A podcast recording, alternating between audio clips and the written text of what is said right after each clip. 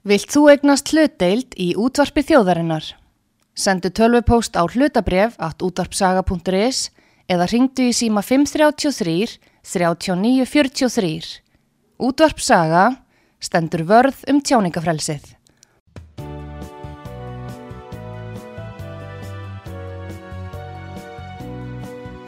Sýtiðis útvarpið með Artrúði Kallstóttur og Pétri Gunnlaugsinni, þar sem ekkert er gefið eftir.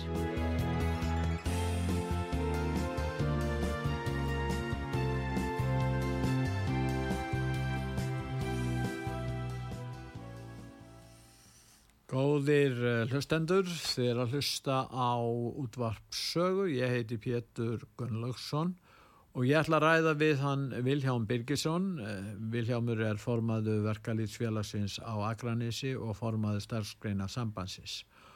Og ég ætla að ræða við hann um efnarsástandi hér á Íslandi og stöðu verkalýtsreifingarinn og auðvitað um þessar ákvarðanir Sælabankans um að hækka hér stýrivexti.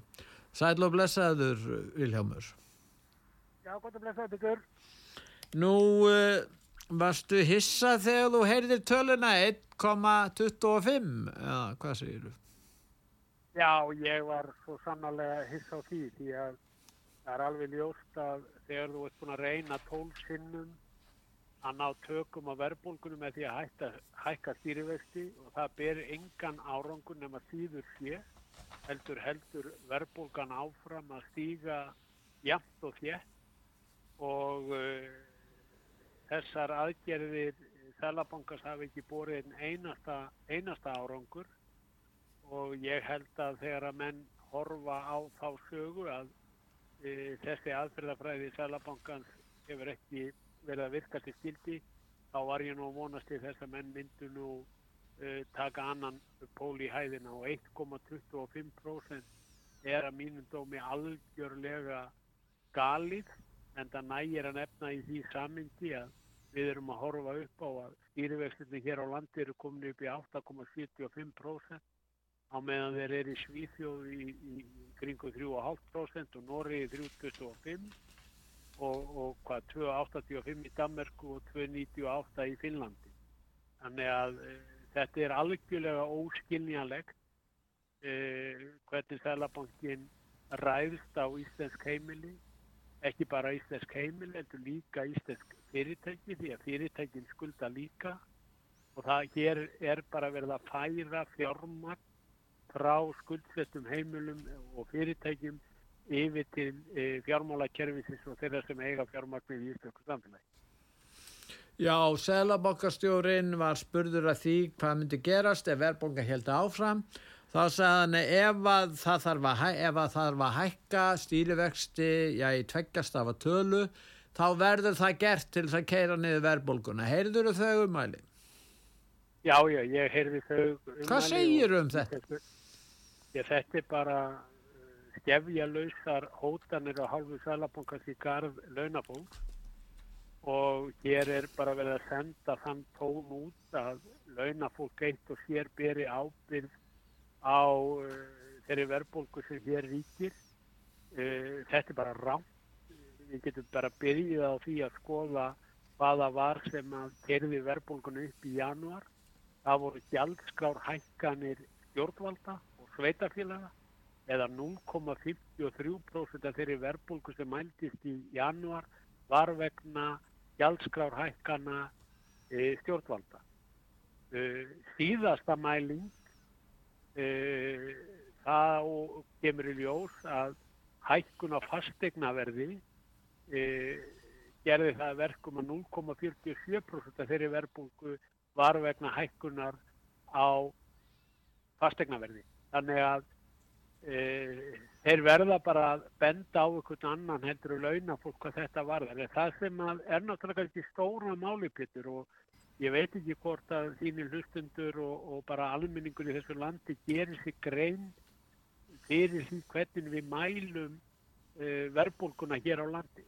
Og ég hef lagt mér líma við að reyna að kynna mér þessi máli eins vel og við, ég mögulega get vegna þess að það er til nokkuð sem heitir svo kvöldur samræmt vísitala neysluverð og þessi samræmda vísitala neysluverð er innan ESB landa og þeirra sem til er EES og þegar að maður skoðar e, og þá er e, neysluvístalan mælt nákvæmlega eins í öllum þessum löndum.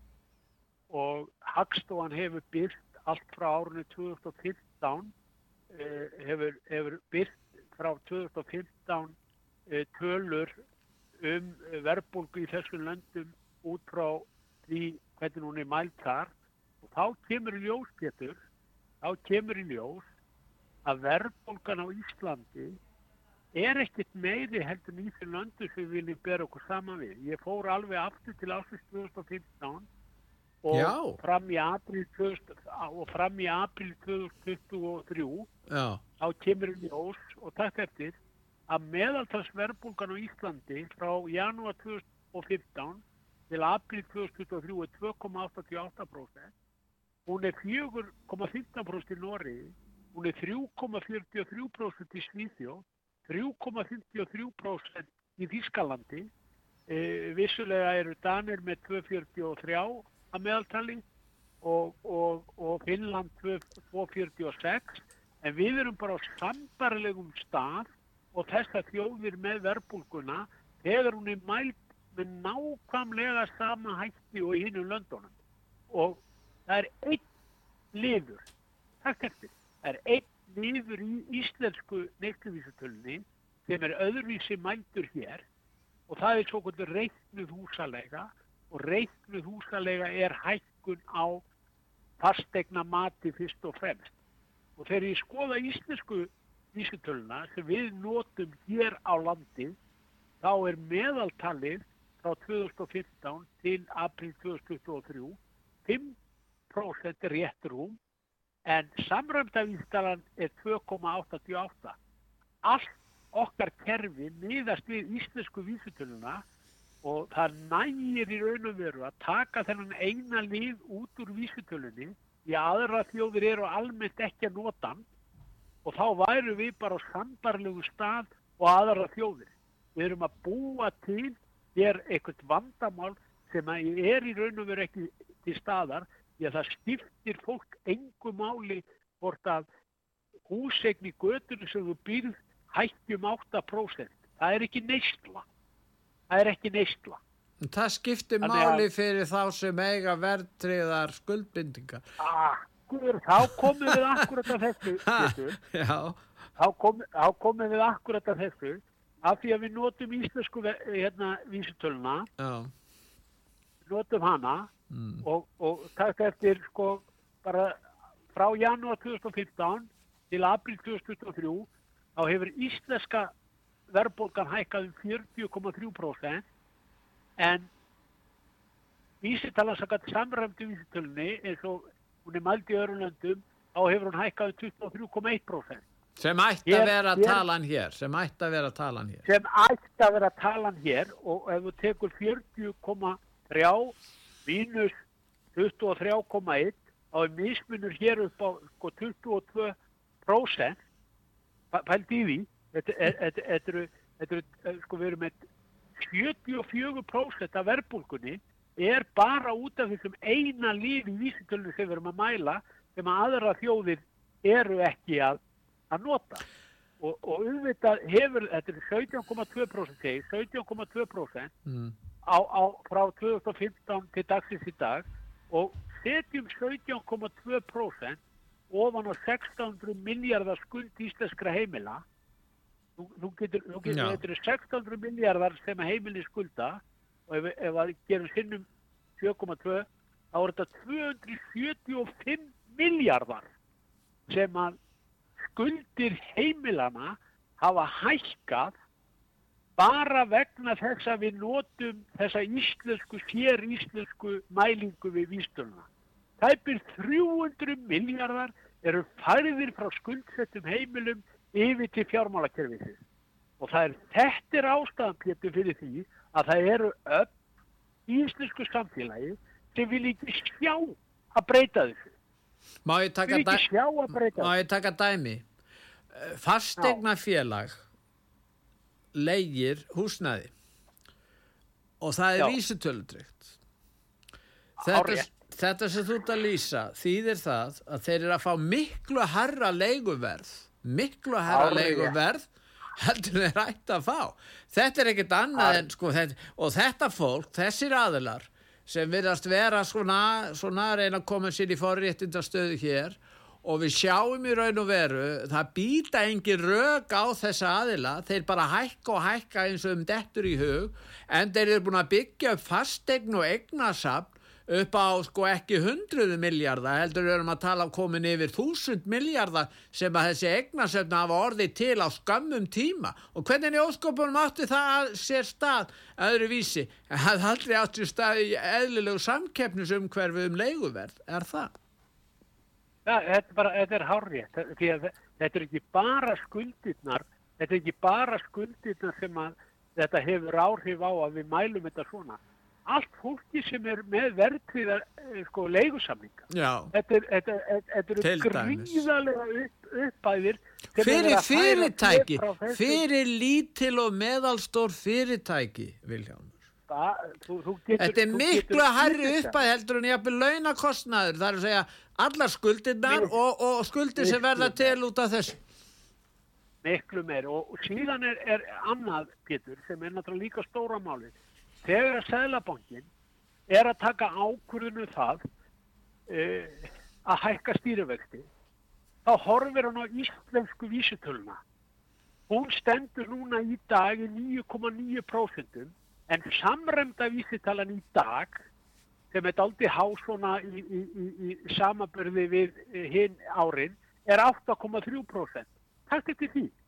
8, ko- sko, ba- bara þannig að fólk skilji þetta.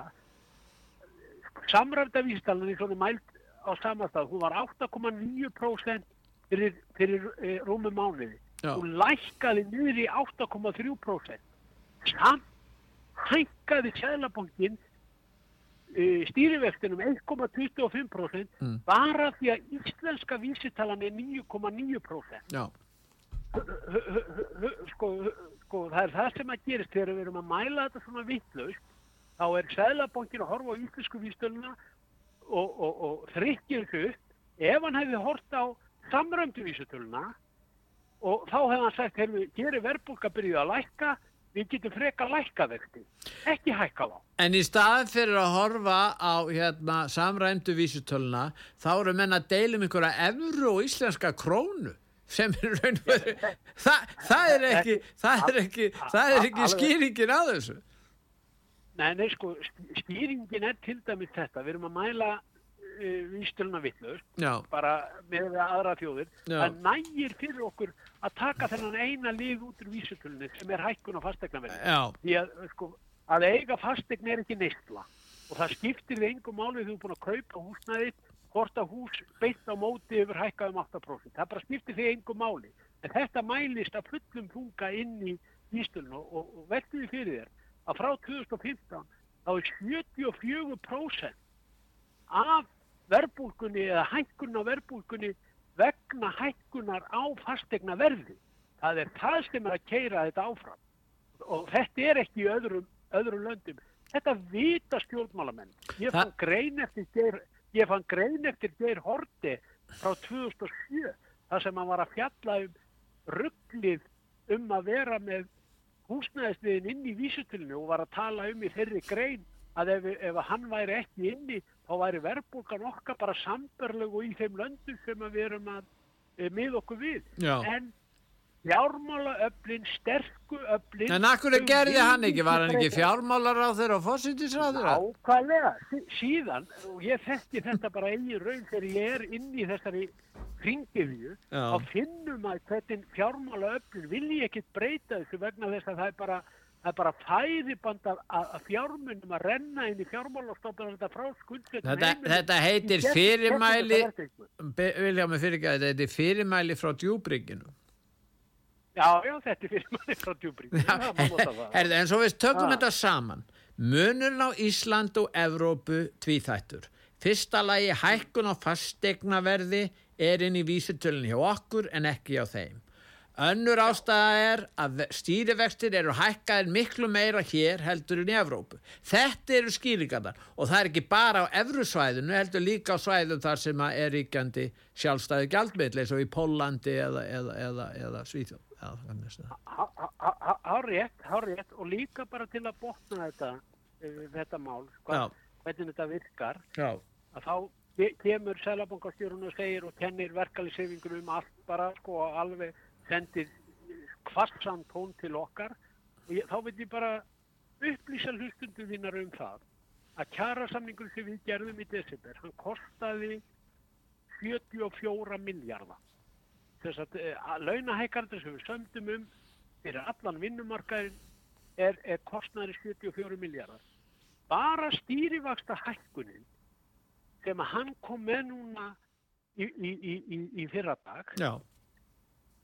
getur kosta fyrirtækin alltaf 67 miljardar vegna þess að þau skulda 5.400 miljardar og ef að 1,25% hækkun fer ofan á skuldir þeirra þá er það 67 miljardar sem er litlu minna heldur að það sem kostaði að ganga frá kjærasamningunum og heldur, hvert heldur þú Pétur að auki fjármakskostnaður fyrirtækja hvert heldur að hann fari? Það fyrir til neytandans að sjálfsögðu.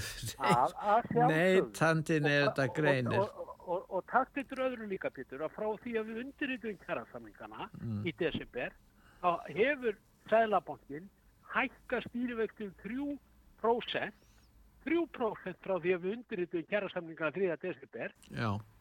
Og ef að þessi 3% lenda öll ofan að skuldastappa fyrirtækina, þá er það 162 miljardar sem er helm, meirin helmingi meira heldur að kosta að ganga frá kjærasamningunum. Þannig að sko, hér fer ekki saman hljóðuminn vegna þess að bara ef að byttingaverktakar taka lán til að fara að reyka í þér hús, svo hækkar fjármáskostnaðurinn. Eina sem byttingaverktakar gera er það að varpa þessum aukna fjármáskostnaði á byttinguna sem að neytandin og svo sem þarf að kaupa að viðkomandi, viðkomandi íbúð eða, eða, eða blokk eða hvað það er hann þarf að greiða meira fyrir það. En það eru þrý... Svona er þetta kerfi vittlust. Það eru þrýr einstaklingar í peningarnemnd sem taka þessa ákvörðun sem hefur þessar hækkanin í förmissir, sem þú ætti að lýsa. Þrýr einstaklingar Þingi kemur ekkert að þessu, ríkistjórnin getur ekkert komið að þessu, verkalýsreifingi kemur ekki að þessu, vinnuveitundu kom ekki að þessu, almenningu náttúrulega alls ekki. Það eru þrýr einstaklingar sem hafa þessi völd. Ég meina, þeir hafa miklu meiri völd um það hvað eru kjör manna í landinu heldur en nokkuð tíman allir aðrir. Ekki tala nú ekki um þetta, þessi stjórnmálastjætt, hún verðist ekki ráða miklu. Og embætismenn er ekki heldur nema þessi þrýr, rannar. Það er ekki rétt. Hvers konar líðræði er þetta eiginlega? Hvers konar líðræði búum við við eiginlega? Hérna, þetta er mjög góðu punktur. Hér eru við með einhverja peningamála nefnd fælabankar sem getur hér tekið svona ákvarðanir þar sem að sko, fjármarsflutningur frá þeim átæku, frá þeim skuldsettu á sér stað út af ákvarðinu þessar að flytja einstaklinga sem nefnur sko 20 miljardar að vera að færa fjö frá skuldurum yfir til þeirra ríku Já. og það eru þrýr einstaklingar mm. sem að hafa þetta vald. Og halda þeir sé að bjarga ég, ég, Íslandi og kakkerfinu með þessu. Þeir segja, já það já, verður ég, að gera þetta. Og ég verð nú líka að leifa mér að segja það alveg og er að þegar að þú hefur svona mikil völd þá þarf, sko, þá þarf uh, upplýsingagjöf um skuldastöðu þeirra sem taka slíkar ákvarðanir að líka algjörlega fyrir ofinbeglega að það líka líka fyrir að þeir sem taka svona ákvarðanir að eignast að það vera líki e, ofinbeglega fyrir þannig að þú bara sjáir nákvæm þegar þú ert með svona mikil völd.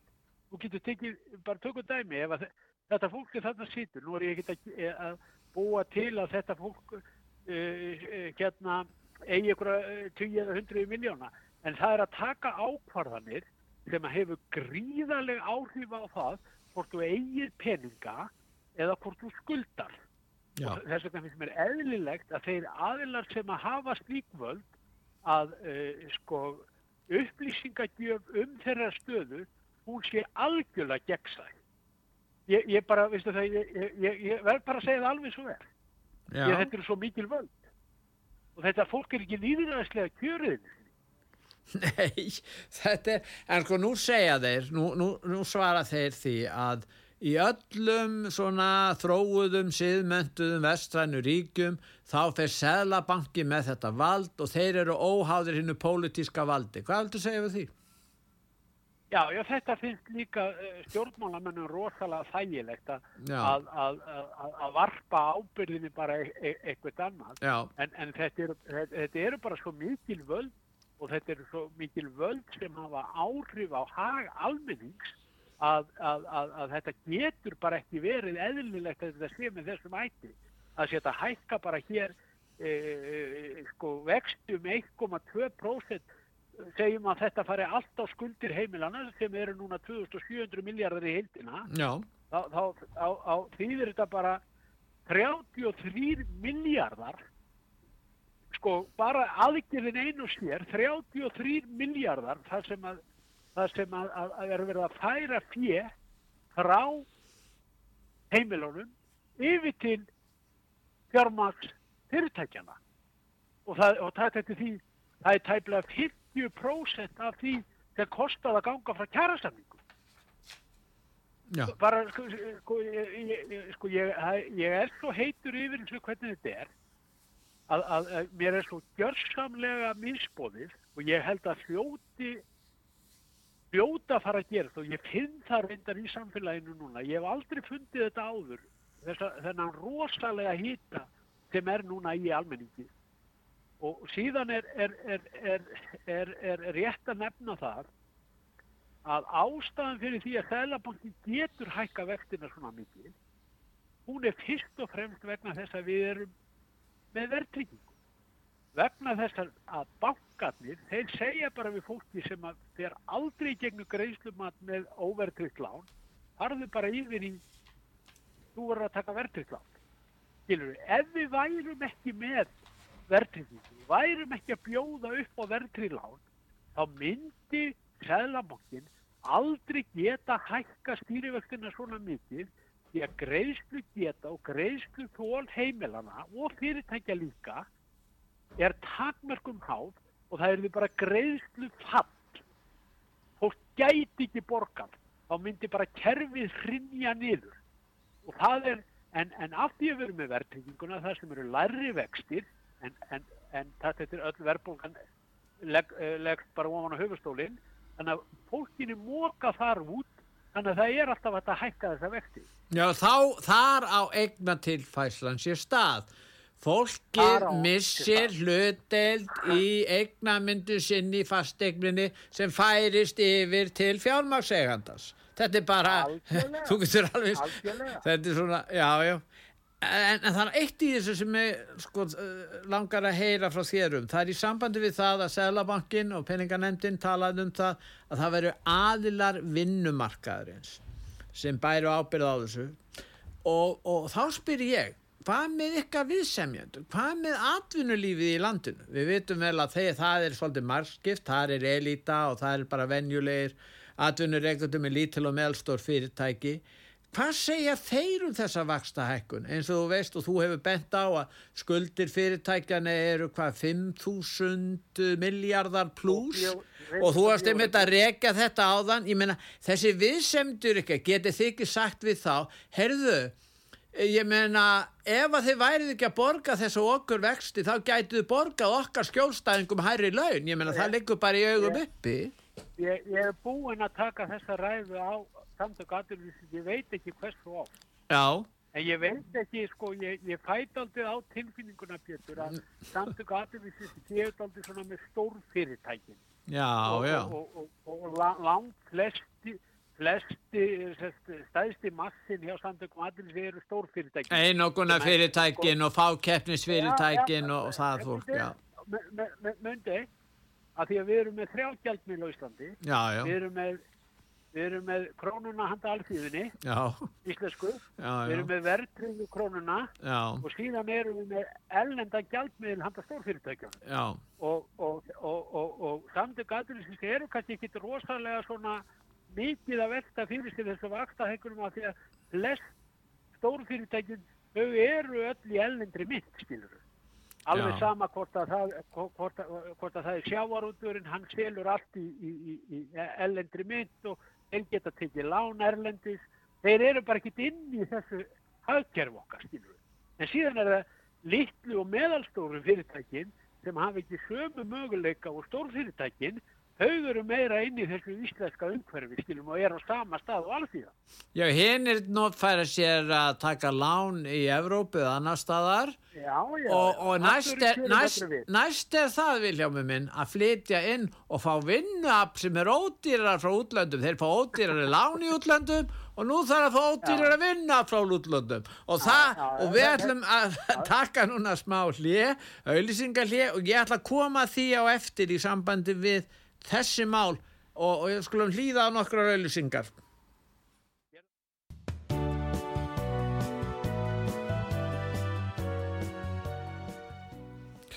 Góðir hlustendur, er að hlusta á útvarpsögu. Ég heiti Pétur Gunnlaugsson og ég er að ræða við hann Milján Birgisson. Hann er formaður verkalýsfélagsins á Akranissi og formaður starfsgreina sambandsins. Viljámur, Já, mér langar að spyrja það einu. Það var þannig að Sælabankastjóri segir að launin séu allt of há. Það verið samið um allt of há laun. Í gærætti Artfúð Kallstóttir hér á útvarpisögu við viðskiptar á þeirra. Viðskiptar á þeirran sem er varaformaði framsóttanflokksins lísti því yfir að laun í landinu væri allt og há. Nú spyr ég, ef þetta er afstafa æði embistmennakerfisins, Sæðlabankans og, og, og ríkistjórnarinn, ráð þeirri ríkistjórninni og þetta er stefnan, þá er þeir að segja að laun, laun launamann á Íslandi sem þú hefur meðal hann samið um sé of há þá er það röggrétt að reka hér verðbólgustefnu sem að þýðir launalækkun og samdráttur hjá hérna lífskjörum launamanna. Er þetta bara ekki, þú veit að menn er að tala um af hverju þetta er svona, af hverju er húsnæðisverðið í vísitölun og svo framvegis. Það er bara verið að vinna því að lækka launin hér í landinu svo þegar þú að semja í haust og fyrir áramót þá segja þeir við þig, herðu Vilhjámi minn, þið fáið engar hækkanir, þið eru með allt og há laun nú þegar og þó að verðbólgan hafi rýst launin ykkar um 10% eða 15% og, og, og, og húsnæðiskostnæðurinn hafi, hafi tvöfaldast hjá mörgum, þá breytir það því ekki, atvinnulífi segir þetta er allt og há laun. Er ekki bara verið að vinna markvist að því þetta er einhver mesta árás á verkalýsreifinguna og vinnandi fólk í landinu sem ég man eftir. Hvað segir þú um þetta? þetta er bara hár rétt, Pétur, sko, sko, þegar þú ert að horfa á laun, þá þarfstu líka að setja sama sem er ekki á milli þess að kostar að framfletta sig frá mánuði til mánuðar. Já. Þessi tveir þættir, þeir halda algjörlega saman. Þeir, þeir, þetta er bara sama jafna. Sko það skiptir einhver máli hvort að við erum með miljón öll í laun á mánuði Já. eða kostar einu og halva miljón að lifa á mánuði. Já. Eh, eh, Sko það þarf að stilla þá af íslensk sam, eh, samfélag þannig að launin á hverjum tíma fyrir sig að þau dýi fyrir nöðfustum frá mánuði til mánuðar og fólk geti haldið mannlega reið. Já. Í dag er slíku ekki til að dreifa. Við getum bara tekið einfalt dæmi uh, svona meðal launataktin í okkur í starfskannarsambandin er eitthvað svona í kringum 430, 40, 50 þúsund þessi virku takstar fyrir, fyrir dagvinnuna í dag e ef þú þarft að leiða á 275.000 krónur og ert með heildarlaun upp á eitthvað 450 skall þá sér það bara hver einasti maður að slík laun er ekki of há það er bara, það er bara útiloka því að þá átt þetta að standa síðan ströym af öllu öðru sem að eru bara að, að, að, að eh, fæða sig og, og, og, og, og fæða og læknisjónusta og annað slíkt. Þannig að þegar við erum að tala um laun þá þarf að setja sama sem er ekki hvað kostar að lifa. Það skiptir engum máli fyrir okkur í verkefælishengunni hvort við séum að hækka launum 50.000 ef allt annað hækkar um 80.000. Það bara skiptir engum máli. Þess vegna er mjög mikilvægt fyrir okkur í verkefælishengunni líka að átt okkur á því að við þurfum að fókusera rosalega á það að ná sko saman um, um það að lækka kostnaðin við að lifa hér á landi. Það er mesta kjarabútin sem við getum náð fram. Það er að lækka kostnaðin, auka ráðstjónatilgjur fólks með fleiri þáttum en bara launahækun. Það getum við gert með því að, að, að uh, auka hér persónaafslátt, við getum gert það með því að ná vakstastíginu niður, við getum gert það með að reyna að koma í veg fyrir það að, að leiguverð hætti hér úr öllu valdi, við getum gert það í samstarfi við, við vestlun og þjónustu sem að halda aftur að sér með verðlagshækkanir og svo framvegis og svo framvegis. Meiri samkeppni, meiri samkeppni. Meiri samkeppni, meiri samkeppni og, og, og það er alveg hárréttjör, ég gleymi því, samkeppni er að finna góða, við þekkjum þetta þegar Costco kom hér, hvernig oljufylgin uh, tóku uh, sko dælurnar sem að voru svona næstar Costco og lækku verðið alveg í uh, sko bara sapparlegt og var í Costco bara til að drepa niður samkeppnina, þetta gerist allstar og það sem að þarf að það meiri samkeppni þannig að Akkur er engi samkeppni á milli bankana ekki, hvað, er, hvað er með samkeppniseftilitið þeir hafa ekkert verið að skoða bankana. Hvaða samkeppni hefur ríkt á milli bankana varandi þjónustu göld og, og vexti? Ég spyr. Er það samkeppni? Nei, en akkur í óskupunum er ekki búið að taka á því máli það likur bara í augum uppi það, takir venjulega mann einn dag að bera saman vexti, innlands og útlandsvexti og kemst þeirri niðurstuð að væri náttúrulega engi samkeppni. Akkur, við vita þeir það ekki í samkeppniseftirlitum. Hvers konar stopnarnir er þetta sem við erum með hérna? Sjálfsögðu vita, vita er það að það er engi samkeppni þarna á milli og vaksta tilkir bankana jökust að síðast árum 25 miljardar.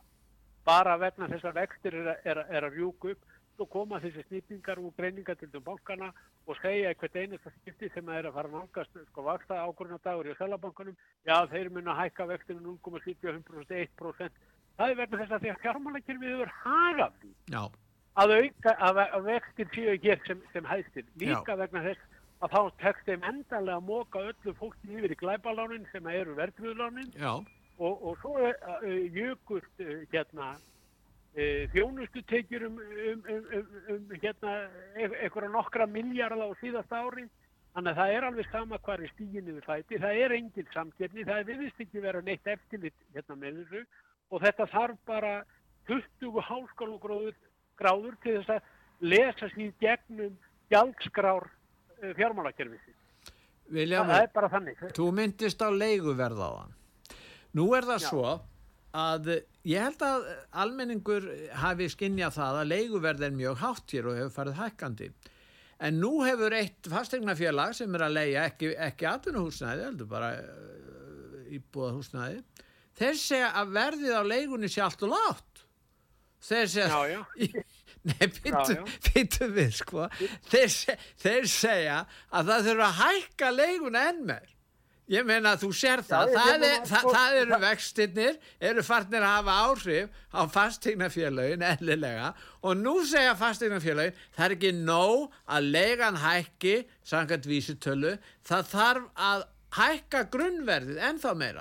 Þannig að íbúð sem er með 300.000 og er komin upp í 350.000 með verðtryggingu, að hún þarf að hækka upp í hvað skilur 400. Ég meina þetta er náttúrulega orðið svo galið hérna að ég veit ekki einlega hvað, hvað hvernig við getum borðið þetta saman við önnur svona siðmentu ríki, hvað segir um það?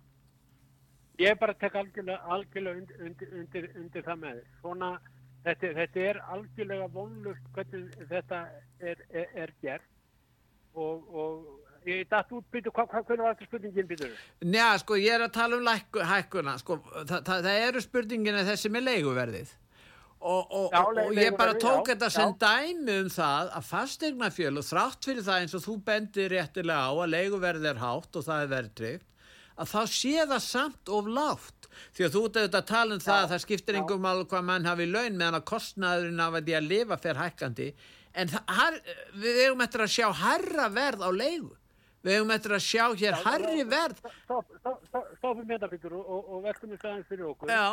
Sko, það, er að mörgum leitir rétt og þegar að, að vextin hækkar svona mikið upp og fjármaskostnaður þeirra sem eiga leigufélagin verður meiri þá varpa þeir því eins, eins og við erum að tala um Já. og beint út í, leig, í leiguverðið. Og hvað gerist þá? Þegar leiguverðið hækkar upp það fyrir beint út í vístöluna. Beint út í vístöluna aftur. Þannig að, þannig að þetta, er, þetta er bara víta ringur skilur mig, þess vegna skiptir svo miklu máli að ná tökum á vakstastíðinu, ná tökum á verbungunni og það getum við bara gert með því að breyta hvernig við mælum hana. Sko í fyrsta leið, við getum bara að byrja þar sko, að mæla hana rétt. En, en auðvitað er, er það þannig að, að þegar að fyrirtæki verða fyrir auknum fjármaskostnaði vegna hækkandi vaksta þá bara liggur það fyrir hlutana þeðli að því er varpað beint út í verðlægið og það eru alltaf neytundur á öllum sviðum samfélagsins sem þurfa að greiða fyrir það. Þannig, þannig er það og þannig hefur það verið og það er það sem við þurfum að berjast fyrir í verkefnishefingunni er að reyna að auka ráðstöfuna tekjur fólks með því að ráðast hér í kerfisbreytingar íslenskum almenningi til heitla. En er ekki óeðlegt að á evróska markanum, evróska efnarsvæðinu, þar sem á ríkja samkeppni og, og sömu skilirði fyrir að fá aðganga innri markaði, er það ekki einkennilegt að uh, það skuli ekki vera fyrir hendi hérna varðandi mælingu á vísutölu? Ég meina, ef, ef vísitalan er mæld með öðrum hætti í samkeppnislöndum Íslands, þá er Íslands fyrirtæki sem skulda í verri stöðu heldur en þessi. Er þetta ekki brot á Evrópureglum? Hefur einhvern dottið það í hug? Nei, ég reyndar ekki, ekki verð því fyrir mér, en auðvitað, sko, glemum heldur ekki einu pittur, að í löndunum sem við erum að bera okkur líka saman við, Já. Noreg, Danmarku, Finnland og Svíþ og öll þessu lönd, Já. þá er engin verðtrygging. Það er engin verðtrygging, það dettur engu suðmættuðu landi í hug að nýðast svona neytundu sínum eins og við íslendinga að vera með verðtryggingu. Dettur það bara engum í hug. Þannig að þó að verðbólgan fari kannski upp uh, í, þessum löndum, þá er það ekki að hafa þessu sömu alvarlegu afleiðingar eins og hér. Á Íslandi er allt gegnum síft í kringum verðtryggingu. Það eru allir lánasamningar. Það er öll þjónusta. Það er allt verðtryggt sem að gera hvað. Gerir það verkum að verðtryggingin sjálf, hún hóðurar hérna hækkun á neysluvítilunni.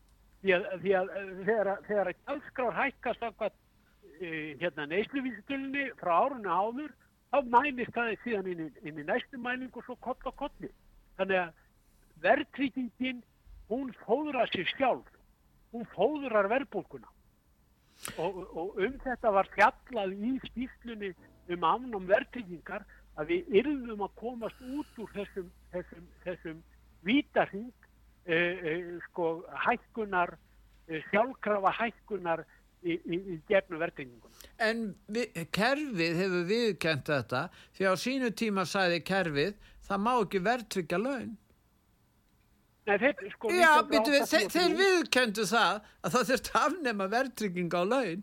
Þannig þeir viðkenna það hva, hver slæm áhrif verðtrygging getur haft á verðbólgu þróun al, algjörlega og 1979 þegar verðtingin er sett á í uppafi þá voru bæði laun og fjárskuldbyrtingar rétt. eh, hérna, hérna sem var, eh, rök, sem var röklega rétt séð auðvitað. Var, Já, já, já, já, það, því að þá skipt ekki málið vegna þess að launin hækkuð til samræmis við, Já. við, við, við hækkun á, á, skuldum. Já. Og 1983 þá sáu menn, er þetta var algjörlega galið og tóku bara launin úr samband. já Tóku launin bara úr samband. fjármakseigendur heldur sínu en þeir sem er að vinna og selja vinnu sína þeir fengu enga Akkurat. verðtryggingu Akkurat. það ekki þannig? Og svona, svo, svona er, þetta pétur minn bara að, að, að, að kerfi það ver, verð sig sjálf og það er alltaf hallað á uh, sko, lítil og meðalstór fyrirtæki og alþýðu þessa lands og á meðan að, að henni stóru uh, hagnast verulega. Þannig, þannig hefur það því miður verið. En Viljámur, nú langar mig að spyrja þig hvað getið þið gert í verkalýsefingunni? Ég var að ræða um hvernig viðhorfið eru hjá viðskiptara á þeirra og hjá Já, Sælabank. Hvað já, þið gert núna í haust? Þið verða að fara fram á stórhækkun launa vegna til að ná verðbólgunni og síðan er hagvöxtur í landinu, það er 5% af hagvöxtur í landinu. Eiga Á verkalýsefingin enga rétt á að fá hlutdeldi því? Ha, Nákvæmlega. Ég held að það sem að þurfa að gera er að það þurfa að mynda breyðfylkingu uh, með selabankanum, með stjórnvöldum, með sveitafélagunum, með, með stórfyrirtækjum og annað og við þurfum að gera svo vel að taka höndur saman um það að ná einhvers konar sátt um það hvernig við getum auki ráðstöðun og tekið fólks uh, þannig að fólk geti hér framflitt sér frá mánuði til mánuðar og haldi manni Þú ert að tala um þjóðarsátt, þú ert að tala um þjóðarsátt. Já, já, já svona, svona, það má, má orða, orða það með, með, með þeim hætti. En svo þjóðarsátt verður ekki e, gerð með því að setja alla byrðar á bak launafólk. Það kemur aldrei nokkuð tíma til greina. Þess vegna þurfum við að breyta kerfinu. Við þurfum að breyta kerfinu og ég er á móti því sem að ég heyri oft að það ég bara plástra þetta. Á bara plástra þetta hækka bara vakstabætur og hugsaður, láta skattgriðindu borga niður okkur vexti í fjármálakerfið. Okkur ekki bara læsta vextin. Já, já. Okkur á að fara að plástra þetta kerfi og, og, og láta skattgriðindu borga vakstabætur og bara þannig að bankandi geti haldið áfram að fyndi sína okkur vexti. Nei, og bara í fyrsta lagi ef, ef það á að fara að borga út einhverja vakstabætur látum það bara bankan að greiða það út skattleikjum það bara bankan og nótu það fyrir í það Já. ekki láta skattgreðindi gera það Nei. þannig ég, ég vil taka á tílinu að, að þetta er bara svipað og, og maður sem kemur með blóðeitrun uh, hérna uh, inn á spítal og það er bara uh, blóðtappa í löp og það bara saga, tekin á hannu löpun og þetta er það búið að berga þessu Já, já. Þetta er, er sko, það þýr ekki að plástra kerfi þannig, við þurfum að ráðast í rótækar kerfisbreytingar þar sem að hagsmunir almennings verða hafðir að leiðaljósi.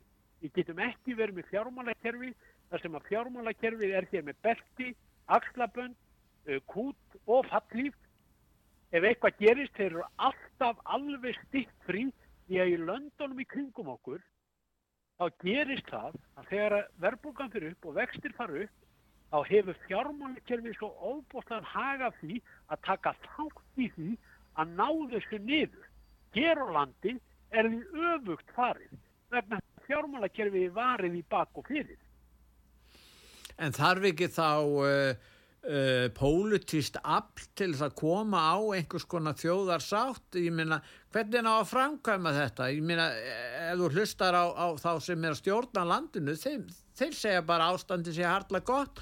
Það heyrist nú í einstaka stjórnaranstöðu þingmanni, það er kannski nokkrir, það var nú einning gær sem var að ræða við okkur hér og, og, og svona, það er ákveðin hópur þar en, en svona mér sínst bara að stjórnmálamenn almennt og yfirleitt uh, gerir litla rattu og semtir við þessar stýrivaksta hækkanir. Já, þá er bara hjartenging þessa fólks uh, sko gagvart uh, vinnandi fólki þá er hún bara að ég finn alveg fyrir þessu miklu að funka bara vítt og breytt í samfélaginu þar sem að fólk er núna ekkit bara látingi fólki sem næri ekki endur saman frá mánuði til mánuðar heldur er, er sko milli er að verða lálauna fólki. Það fjölgar bara í þeim, í þeim hópi. Algjörlega, það bara fjöl, fjölgar í þeim hópi og, og ef ekkert verður aðgert að þá fer náttúrulega bara illa fyrir okkur og þá held ég að að að endingu, ég, ég hef svo sagt áður í þætti hjá þér, það eru yfir 600 miljardar sem eru núna með svo kallar fasta vexti og eru að koma endur skoðun á þeim vöxtum sérstaklega á næsta ári Já. þar sem að sko, vaksta byrjun mun geta auðnýtt bara hjá venjulegu heimili kannski um, já, ég held að það sé bara mjög algett svona frá 100 og upp í 200 krónur á mánu Já, já. Hvað heldur að minni gerast, hvað heldur að minni gerast hjá þessum heimil? Það verður allt brjálað. Já, já. Fólk mun ekki sætta sig við þetta. Það er nú þegar farið að, að, að, að hérna, hafa mikil áhrif þar sem þeir sem eru með, með þessi breytilegu vexti. Eru, eru með breytilegu vextina þeir eru fættir að finna fyrir því. En þá er sagt við þá þeir getur bara tekið hér eh, fengið verðtritt lán og þá er það bara fært yfir á eigninu þannig að þú fært bara verðrýrnun í staðin það er bara þannig. Herru Pétur, þú býður félagsmaður eftir mér ég þarf að láta það Emmitt og ég þakka þér fyrir Vilhjálmur viðtalið Ekki málum er alltaf gaman að heyri þér. Sömmulegðis, þakka þér fyrir. Já, það er. Já, og ég þakka hlustendum út var sögu, verðið sæl.